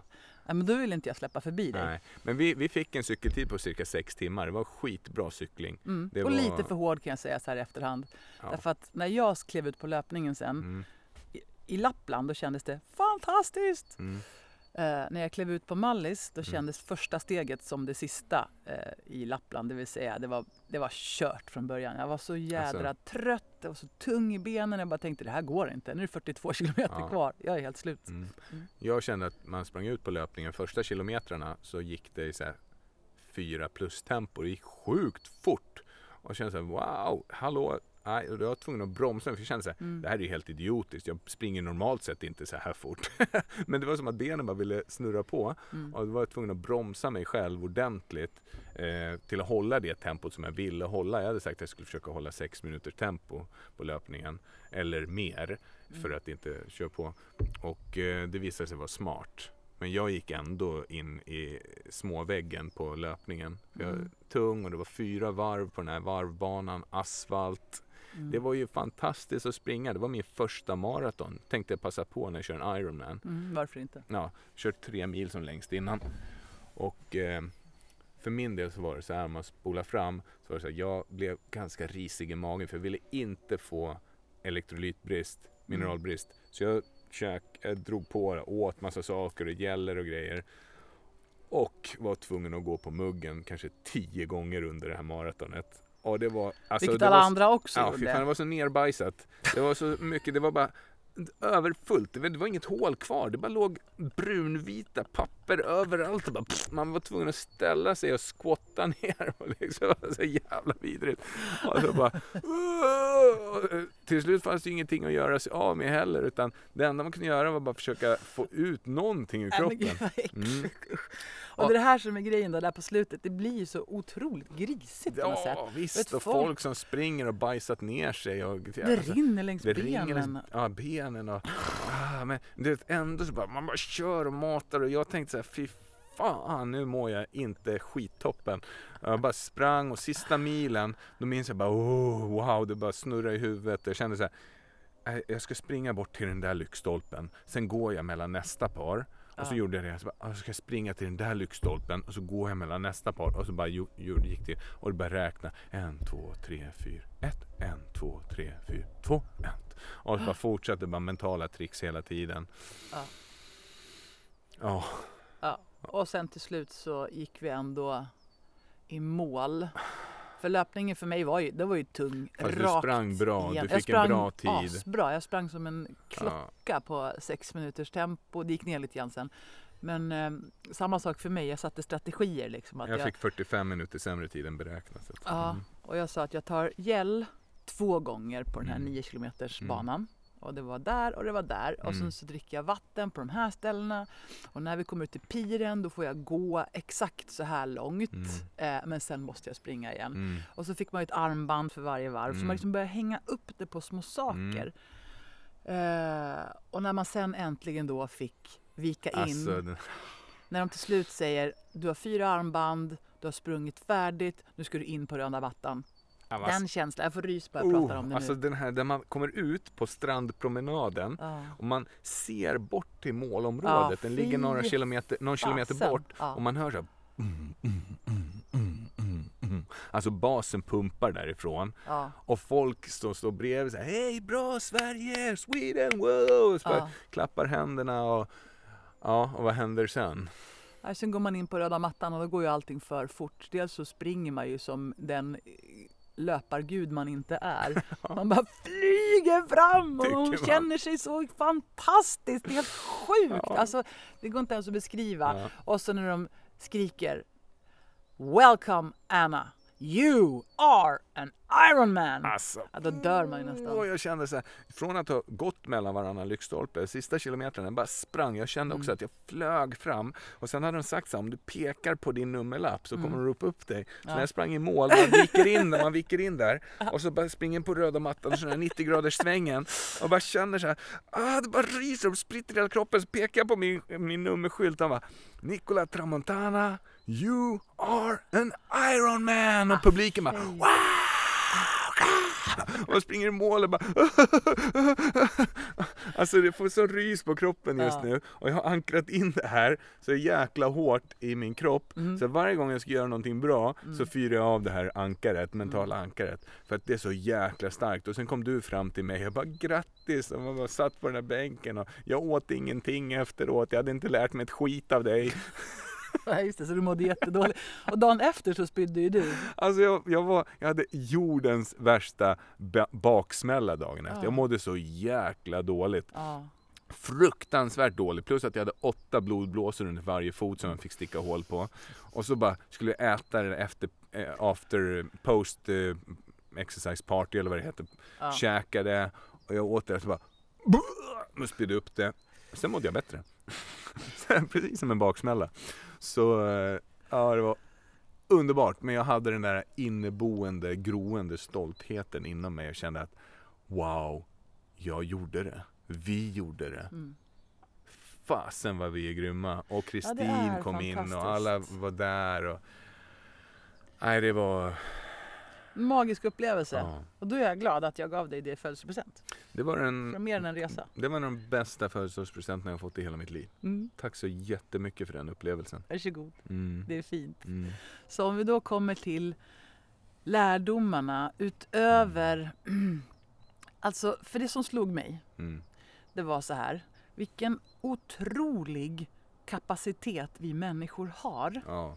Eh, både kroppsligt och mentalt. Mm. Att göra saker. För jag menar, det här är ju trots allt då, det är ju en extrem Mm. grej att Mm. vara, ja men du vet, anspänningen, den fysiska utmaningen, Mm. eh, alla de sakerna som dyker upp där på slutet när man Mm. på riktigt är helt slut. När kroppen säger åt en, sluta, stanna, jag Mm. pallar inte men jag kan inte ta ett steg till. Mm. Och man ändå fortsätter. Ehm, dels då hur man vet rent fysiologiskt hur viktigt det är att äta, Mm. att ta gel, Mm. eh, att eh, ta salttabletter, Mm. att förse kroppen med mineraler. Mm. Det ställs på sin spets. Man Mm. vet att jag kan inte schabbla nu, jag kan inte inte dricka vatten och tillgodose min kropp med näring. Det är viktigt när Mm. man tävlar. Ehm, sen mentalt så är det ju så här. Du får aldrig ge upp. Eller får, det får man ju göra om man vill. Men jag vill inte ge upp. Inte jag heller. Utan jag hade preppat mig själv med tre, fyra, fem, sex olika ämnen Mm. som jag vet att jag kan ägna mina tankar Mm. åt. Som är roligt. Mm. Eh, det här kan jag tänka på när det blir långtråkigt. Mm. Och sen hade jag preppat mig med ungefär tre stycken superpower grejer som jag kunde tänka på. När det Mm. blir som allra värst så kan jag tänka på någonting som gör mig så sjukt glad och tacksam. Typ Mm. barnen. Eh, som skulle bära mig vidare i allt det här. Och då slog det mig att det här var bara en tävling. Det här är bara på låtsas. Mm. De här skillsen, de har jag. Mm. Varför använder jag inte dem i det som är viktigt på riktigt? Mm. Det vill säga när relationen krisar. Mm. Eller när man tycker att det är hopplöst att vara förälder därför att man tappar tron på sig Mm. själv för det är så svårt ibland. Eller när man krisar i sig själv. Liksom. Mm. Varför använder jag inte de här skillsen då? För jag menar, en Ironman är en lek. Men livet är på riktigt. Mm. Det var vad jag Fint. lärde mig som allra, allra mest. Ja. Och jag lärde mig också, det är ungefär samma grej, man kan så mycket mer än vad man själv tror att man kan. Mm. Jag har en, jag har en ganska hög tro på min egna inneboende förmåga. Men den är så pass mycket större än man någonsin kan fatta Mm. när man gör en sån här grej. Alltså Mm. det är... Nej men det är fint. Det är vackert. Alltså man är, man är, alla människor är grymma. Mm. Det jag också lärde mig var att när det känns som att det är helt slut, när man känner att nu finns det ingenting mer kvar, Mm. så gör det alltid det. Mm. Man kommer, eller man och man, men jag har varit med om att bryta ihop och tänka att nu är det liksom kört för den här gången. Men det Mm. kommer liksom nya puffar av energi och flyt. Mm. Så eh, det är en naturlig del av det. En sak till som jag lärde mig var att det du ger ut i form av energi, det är det du får tillbaks. Mm. Och det här lärde jag mig av att springa, sprinta i uppförsbackar. Kommer du ihåg att jag Ja. gjorde det när vi träffades? Ja, det gjorde det verkligen. Helt så här, för mig kändes det ologiskt då. Varför ökar hon i uppförsbackarna? Vi är ute och springer långt. eh, om man sprintar upp för en uppförsbacke, då blir man Mm. helt slut längst upp. Mm. Och om man sen springer vidare, då kommer det som en boost av energi. Mm. Och samma sak tycker jag att det är när man gör till exempel en Ironman, vilket är en extrem eh, uttömning av energi. Mm. Veckorna efter är man ju invincible, alltså helt oövervinnerlig. Mm. Jag hade så sjukt mycket energi, jag hade kunnat göra vad som helst. Jag hade kunnat göra en Ironman till. Det var Ja. inga problem. Nej. Så jag tror verkligen att eh, det man ger ut i livet, det är det man får tillbaks. Ja. Förutsätter ju en bra återhämtningsförmåga dock. Ja. Eller? Det gör det nog. Mm. Mm. Så avslutningsvis Ja. så skulle vi vilja ge tio starka tips för dig som faktiskt tycker att det här med Ironman låter som en bra metafor för livet eller en bra utmaning att sikta på eller bara någonting spännande liksom att riva av på bucketlisten. ja. Mm. Och eh, det är i enighet med våran holistiska modell. Exakt, vi kommer att ge ett tips per tårtbit i vår modell Mm. plus ett extra tips för eh, grunden till Mm. vår modell. Så håll i hatten, ta på dig våtdräkten så kör vi. Yes. Mm. Tips nummer ett kommer då på aktivitet, fysisk aktivitet. Mm. Och då är det ju så här. Det tar ett tag att bygga upp till en Ironman. Det finns de som föreslår att om du har tänkt dig att göra en Ironman och du inte har tränat så mycket liksom triathlon och sånt tidigare så kan du tänka dig en process på två till tre år. Ja. Där du kanske börjar med att sikta på en sprint och sen år två kanske du går på en olympisk distans. År tre en halva Eh, och sen är du redo för en Ironman. Ja men precis, men man kan också komma ihåg att om du redan nu tränar 4-5 gånger i veckan säger vi, då har du en ganska bra grund att, Precis. att våga ta i mer och våga liksom köra på lite extra. För att man kommer också till att eh, all träning är bra träning som du har stoppat in i kroppen. Exakt, och det var ju Mm. lite grann där vi var. Vi hade ju väldigt mycket träning och grund i kroppen redan. mm. Därför så kunde man göra en ganska snabb Ja, acceleration och till bra en... kvalitetsspinningpass är ju ej att eh, förakta utan det är riktigt bra träning för cykling. Mm, Mm. verkligen. Sen är det så här, försök att vara så allsidig som möjligt. Att träna inför just triathlon är ju allsidigt i och med att du får in tre olika sporter. Mm. Eh, löpning som är väldigt mycket impact på kropp och leder. Cykling som är klart mjukare. Mm.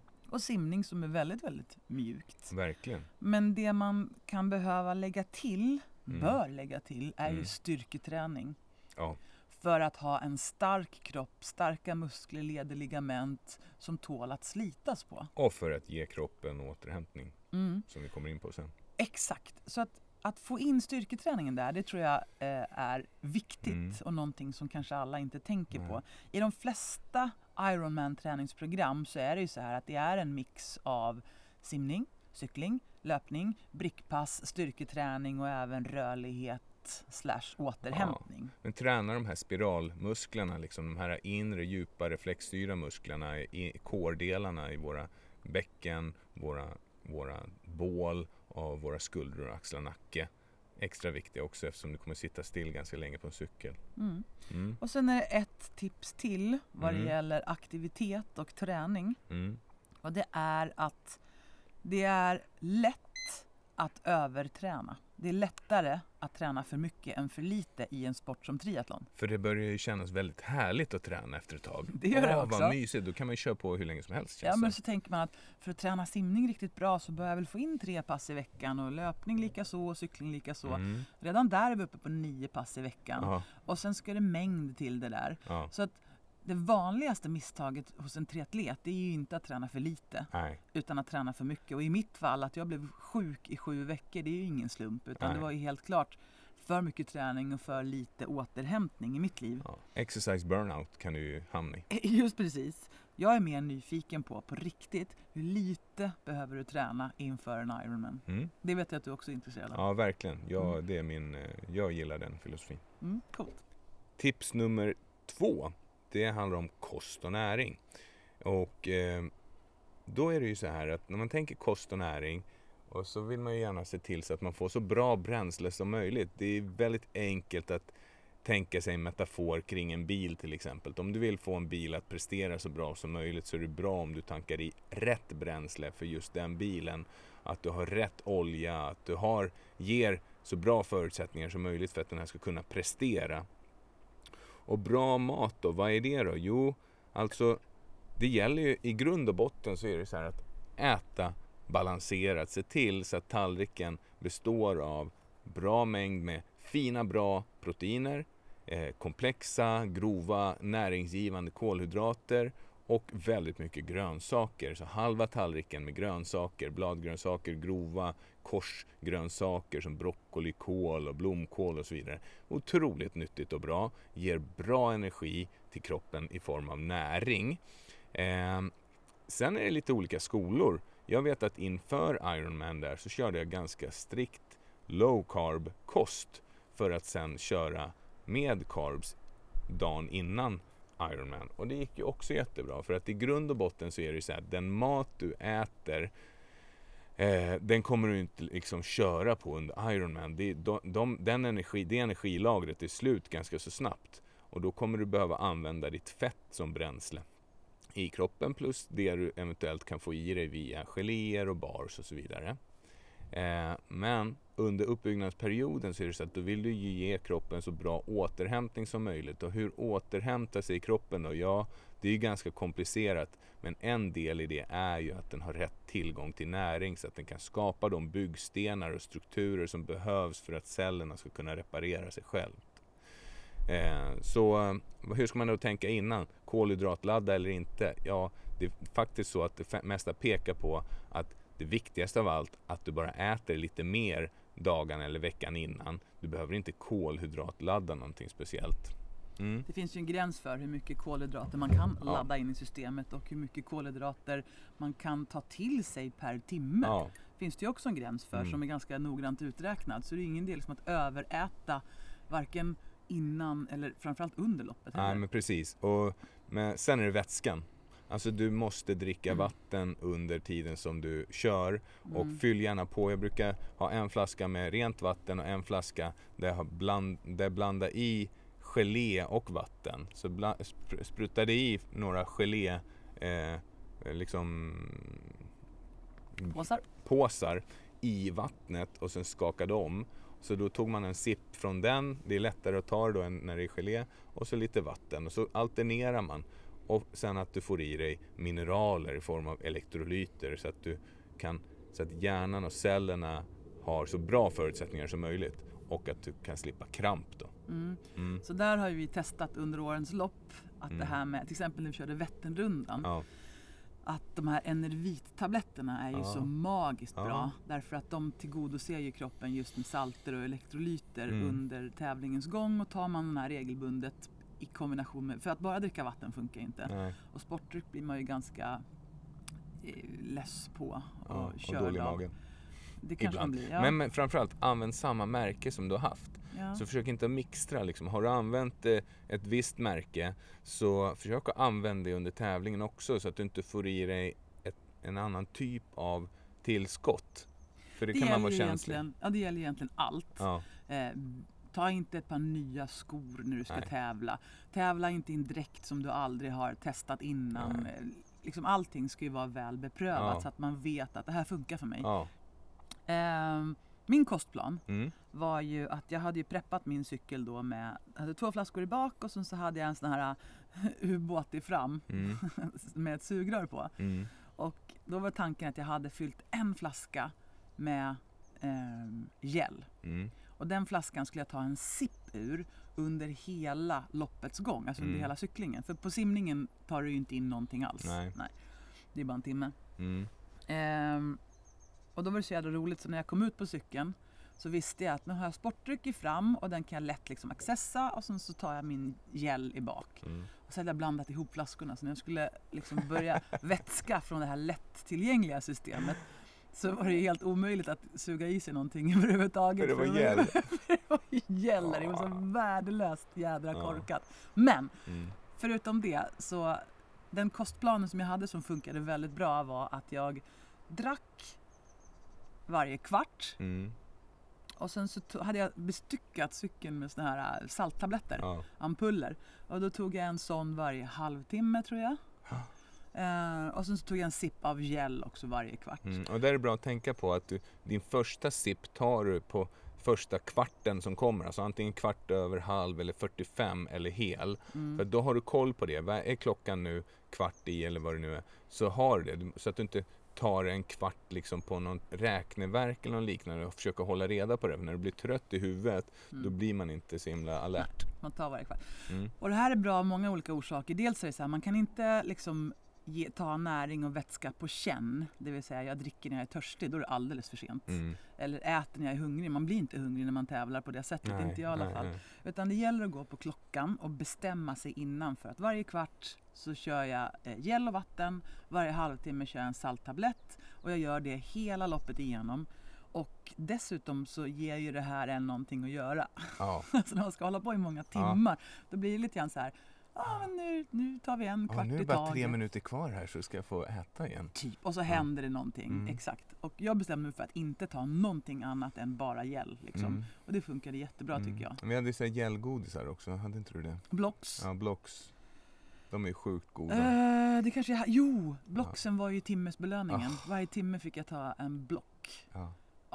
De Ja. Och då, då är det så här, vi kommer ju till det eh, snart i den tårtbiten som handlar om tankar. Men en av de viktigaste aspekterna till att liksom eh, äta varje kvart, det är för att du inte ska hamna i det där djupa, mörka, mentala hålet. Mhm.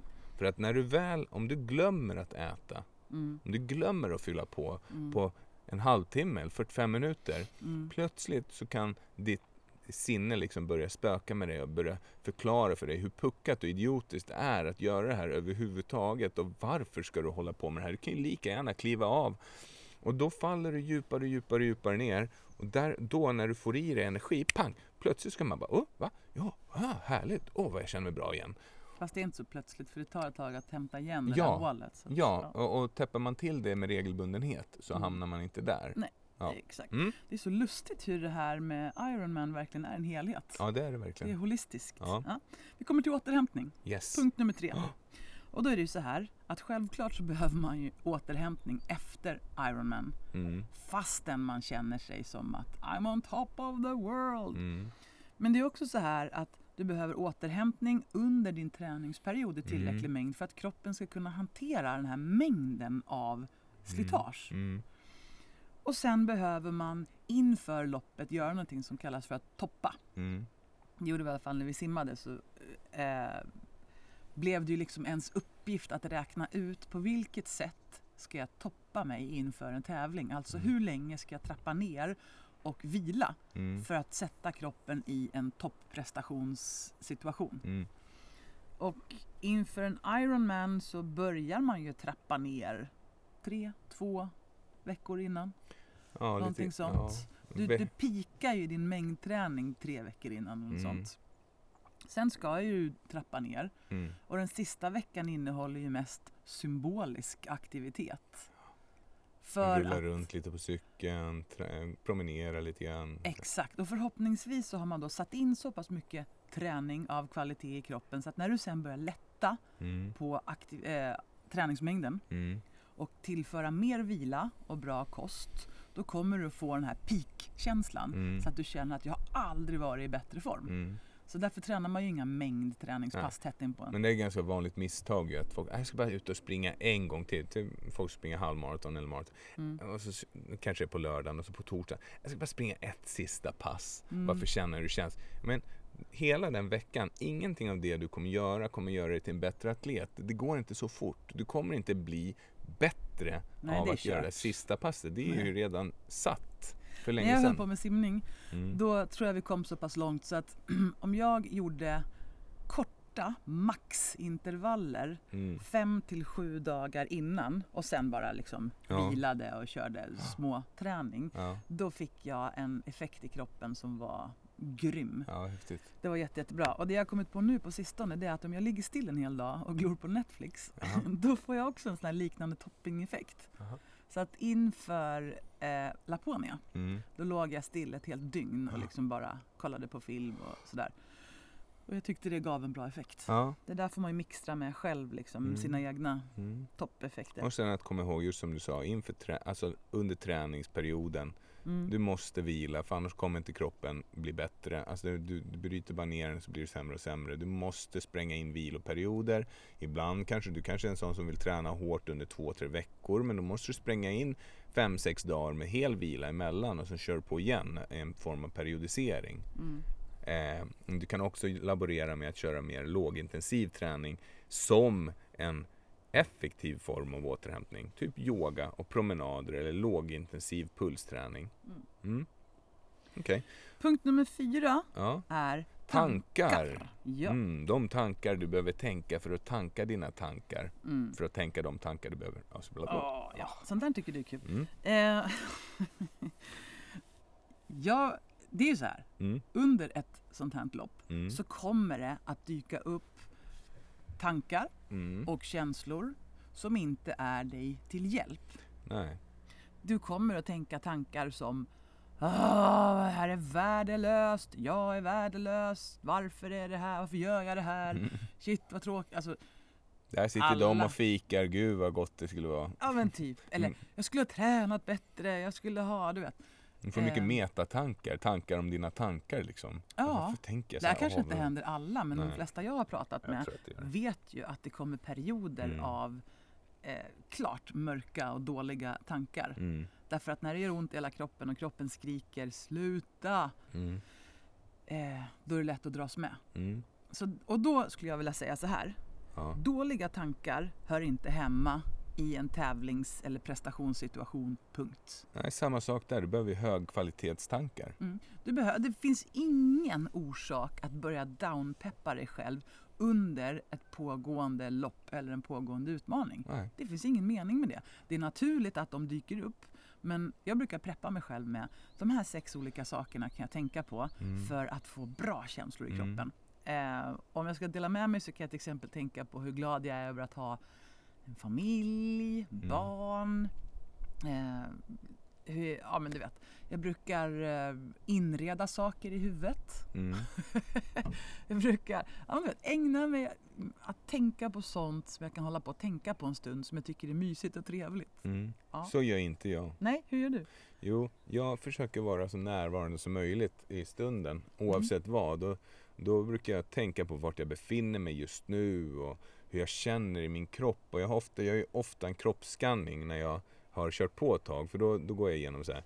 Ja, om, om jag börjar få en tanke om att shit vad det här känns jobbigt brukar jag skanna igenom kroppen. Hur känns det i huvudet? Det känns bra. Känns det i axlarna bra? Armbågarna, underarmarna, händerna, hjärtat, lungorna, magen, ryggen, knäna och höfterna. Så skannar jag igenom hela kroppen och så får jag ett svar på nej men det känns bra. Eh, Eller får jag känna att eh, ena knät känns, okej men då är det 95% bra. Så försöker jag liksom vända det hela tiden till någonting som är ett bra fokus. Eh, Den andra biten som jag gör är att jag fokuserar på eh, den, det jag håller på med just nu. Det vill säga, jag är tacksam för att jag klarar av att göra det här. Mm. Tacksamhet och stolthet. Tänk att här sitter jag och trampar och cyklar. Och helt fantastiskt och sådär. Mm. Mm. Så mer sådana grejer. Mm, men där sa du något, det brukar jag också, som Mm. på Mallis där, då var det Nej men titta det är grisar som Ja, går där och betar, vad, eller vad de nu gör. Blir väldigt, Bökar gör ja, de. blir väldigt närvarande. Ja, och så var det Mm. någon hönsgård och sen så Mm. var det åsnor och titta palmer och oj vilken hög vass. Alltså att Ja. titta på omgivningen är väldigt Exakt. peppande, tycker jag. Och även den här stolthetskänslan kan man ju gå in i. Men alltså vad som helst som, för nu kommer vi in på nästa punkt som är Mm. känslor och de här Mm. två hänger ihop ganska tätt. Ja. Så nummer fem är känslor. Just precis. Mm. Att det kommer ju dyka upp både tankar och känslor som är jobbiga. Till Mm. exempel, eh, du kan få ett skavsår. Mm. Och då kan du ganska snabbt ta ett beslut. Kommer jag att bryta på grund av det här skavsåret? Om svaret är ja, ja men då vet du vad du behöver göra. Mm. Men om svaret är nej, då är det ingen idé att fortsätta fokusera på och tänka Att på du har ett skavsår. Nej, utan flytta uppmärksamheten någon annanstans. Den här förmågan har ju vi som människor. Mm. Ja. Vi kan välja att tänka på någonting för att skapa en annan känsla i kroppen. Och det här kan man verkligen använda utstuderat. När man idrottar är det så självklart men det funkar ju hela livet. ja, fokusera på lösningarna, möjligheterna. Alltså om du fokuserar på lösningar Mm. då kommer det skapa mer möjligheter i ditt liv. Men om du fokuserar på problemet då kommer det, eh, då kommer det skapa mer smärta i ditt liv. Mm. Mm. Så om vi då kliver in på punkt nummer, så vi sa att vi vill tänka bra tankar Som skapar bra för känslor. att skapa bra känslor i kroppen. Mm. Och beroende på hur vi känner så kommer vi också bete oss. Mm. Men ibland, så, om vi då går in på punkt nummer sex som vi kallar för beteende, Mm. så är det ju så här att till beteendet så kan man också tänka på hur, eh, hur deltar jag Mm. i den här upplevelsen just nu? Mm. Hur beter jag Hur mig? kommunicerar jag med mig själv, i min kropp? Just precis. Eh, när det känns som värst kan man dra på det största leendet man kan Mm. och bara lura kroppen Ja, lite grann. verkligen. Eh, Sånt när det känns som mest tungt så kan du lyfta ditt bröstben och sträcka på dig och verkligen trycka till med en hållning som en vinnare eller en pigg människa har. Ja. Det vill säga lite grann fake it till you Mm. make it. Sätt på en bra hållning, ett stort leende, eh, skapa energi i kroppen Mm. fast du inte har det. Och när du tränar Mm. inför, då använd triggers, alltså använd musik som är Mm. bra. Som du gör en spellista som bara innehåller dina greatest hits. Mm. Liksom från perioder där du mådde så sjukt bra, som bara spelar och går på repeat och som bara blir helt fantastiska. Sånt funkar ju också. Mm, får man inte ha det på tävling tyvärr, men... Mm. Nej. Ehm, punkt nummer sju. Mm. är din relation till jaget. Och här kommer vi in på en av de absolut viktigaste punkterna tycker jag. Ja, Framförallt när det gäller i en eh, utmanande situation. Mm. Mm. När du är på tävling, måste du vara din egen bästa kompis, din egen bästa coach, din egen bästa PT. Ja. Det finns ingen plats och utrymme för downpepping, eh, kritik, ifrågasättande utan nu är du mitt i en utmaning. Nu är det bara pepp, pepp, pepp som gäller. Downpepping är ju så att det aktiverar ju också de här negativa känslosystemen som skapar ett påslag av kortisol och adrenalin. Mm. Och Adrenalin, adrenalin, adrenalin kan ju vara bra när man tävlar i och för sig. Men du vill också ha en dopaminfrisättning. Och när du fokuserar på liksom dina bra egenskaper, när du peppar dig själv med positiv pepp, då aktiverar det positiva känslosystemet och det är mycket mer givande på lång sikt. Mm. Mm. Eh, jag brukar älsa när det är som tyngst. Vad är det? Berätta. Jag kommer inte ihåg vad det står för. Emo... Emotion, emotioner, bla bla bla. bla, bla. Ja, berätta vad Jag du gör minns faktiskt istället. inte. Ja, hur som helst. Eh, Mm. Då har jag en slinga på fyra stycken ord som jag bara liksom kör. Jag bara repeterar samtidigt som jag touchar tummen mot pekfinger, tummen mot långfinger, tummen mot ringfinger, tummen mot lillfinger. Ja. Så på varje finger så har jag ett ord. Det här är ju skitdumt att sitta och dela Vad med har sig du av. för ord? Jag har fet, ful, dum och knäpp. fet, ful, dum, knäpp, fet. Nej, det har jag inte. Nej, det kan variera. Mm. Men oftast så är det eh, pigg, stark, snabb, lätt. Pigg, Ja. Stark, snabb, lätt. Ah, pigg, stark. Och så Ah, håller man på så här. det, och- lät, Va? det ska jag ta. Ja. Pigg, stark, snabb, lätt. Pigg, Ja. stark. Nej. ja, men jag brukar ha såna här ramsor. Liksom. Jag har flera. Nu kommer jag inte dela med mig av alla för det kändes plötsligt som en dålig idé. Var det intimt? Jag vill ha dem för mig själv. Ja, det är klart. Men jag snor den första. Pigg, Ja. stark, snabb, lätt. Ja. Det Därför lät att- jättemysigt. Därför att det är fyra ord som man Mm. matar in i kroppen och kroppen svarar. Den bara ja, det är Ja. klart att jag är det. Grymt! Mm. Det var jaget. Nu kommer vi till punkt nummer åtta som är viet. Och här har du lite roliga historier att berätta. Mhm. Mhm. Ja, vad tänker du på då? Kan du filma in? Jo, när man tar sig an en sån här rejäl utmaning som att till exempel göra en Ironman. Mm, Ja. Mm, precis. Man behöver göra en ekologicheck. Och med ekologicheck så pratar vi om då att kolla med din närmiljö, med din ekologi runt omkring dig, din omgivning, om det här funkar bra för alla parter. Eh, jag hade två klienter som, som sökte mig för hjälp för att de skulle börja eh, tävla i, i uthållighetsidrott. Eh, och eh, då, då så när de hade berättat om sina mål och varför de ville ha sponsring av oss och sådär så frågade jag, min första fråga var Har du kollat det här med, har ni kollat det här med era fruar? Har ni sett till så att det här funkar för alla parter runt omkring er i ert liv? För att det kommer innebära att ni kommer vara borta från familjen, ni kommer behöva träna, ni kommer åka på tävlingar, ni kommer behöva peppa, eh, preppa och ni kommer att mentalt behöva jobba med de här bitarna.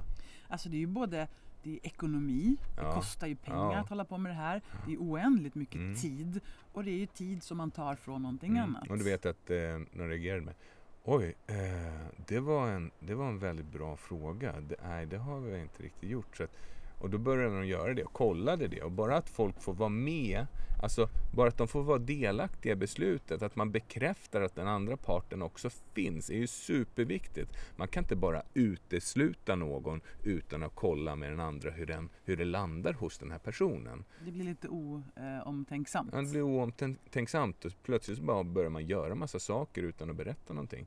Det blir jättekonstigt. Mm. Där så- tycker jag att du har varit otroligt supportive. Mhm. Men många gånger när till exempel när vi åker till olika ställen Mm. så är mitt favorittrix att ta med mig antingen löparkläder eller cykel och cykelkläder. Mm. Och så ber jag om att få antingen cykla den ena vägen eller den andra, Mm. alltså hem eller dit. Och det innebär ju då att du är den som får ta hand om tre stycken barn och se till Mm. om de behöver äta eller Mm. Sådär. Och Mm. då säger du nästan alltid att ja, absolut. Det, Mm. det. Självklart, det är bara roligt ju. Mm. Och eh, vi har ju också gjort så här att vi, eftersom man behöver, man behöver skapa sig net time, no extra time. Mm. Det vill säga, gör saker när det inte tar av andra grejer. Så till exempel så brukar vi ta med eh, cykeln på cykelhållaren på bilen. Och sen så kanske vi, säg att vi åker till eh, Västerås från Knivsta. Mm. Så, så, så tar du och börjar cykla innan familjen har dragit iväg. Så Mm. cyklar du mot Västerås Mm. och sen så åker vi någon timme senare för att vi tar det lite lugnt och sådär, hoppar in i bilen. Mm. Och sen möts vi i Västerås. Mm. Sen när man har varit i Västerås kanske man ska åka till Örebro. Då tar jag cykeln och så cyklar jag och så tar du det lite lugnt med Mm. kidsen. Och då har man liksom ja, skapat sig net time. Ja, jag tycker det. Jag Mm. älskar det här tricket. Mm. Det är skitmysigt. Mm. Och just, eh, ja, det är en bra grej. Ja, det är bra för viet. Ja. Sen då? Eh, sen kommer vi till punkt nummer nio som är niet. Och i vår värld så handlar ju niet om den här stora världen där utanför. Ja. Så man kanske inte känner alla. Nej. Och det är ju så här att eh, gör din grej. Det Ge- tycker jag vi är ganska bra på. Ja, men det är väldigt lätt att börja jämföra sig. Mm, Oh, den personen tränar på det här sättet. mm. Den där personen sitter i isvak med sina ben. Det kanske man måste göra. Du, den här personen har köpt en sån här tuff cykel. Det kanske man måste ha. Ja, men sen framförallt när man gör en sån här grej så kommer ju folk tycka till. Alltså de kommer tycka en massa saker. Det gör människor alltid. Mm. Du, du gör din grej, jättestolt över den och plötsligt så hör du folk säga Ja, eh, förstår du inte att folk blir provocerade av det du gör? Du, du måste ju förstå att det här sticker i ögonen på folk. Ja men so what? Alltså du har ju satt det här målet, det är för din skull. Vad de andra tycker och tänker om en sån här grej, ja det kan man ju inte ta ansvar för tänker jag.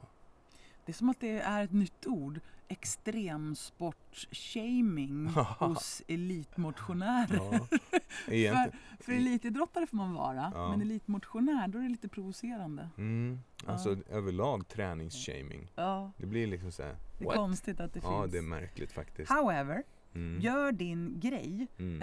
Eh, och bara för att vara extra tydlig också, jag Mm. berättade den här historien förut men jag kan dra den lite snabbt igen. Mm. Beroende på vilket startled du hamnar i Mm. så kommer du börja titta på de som är runt omkring dig. Mm. Eh, en gång så råkade jag köpa en biljett på Blocket och hamnade i elitstartledet bland MTB-herrarna. Ja. Jag har aldrig känt mig så dålig. Nej. Jag kände mig så dålig och pinsam och tankarna jag tänkte om mig själv då, de var inte nådiga.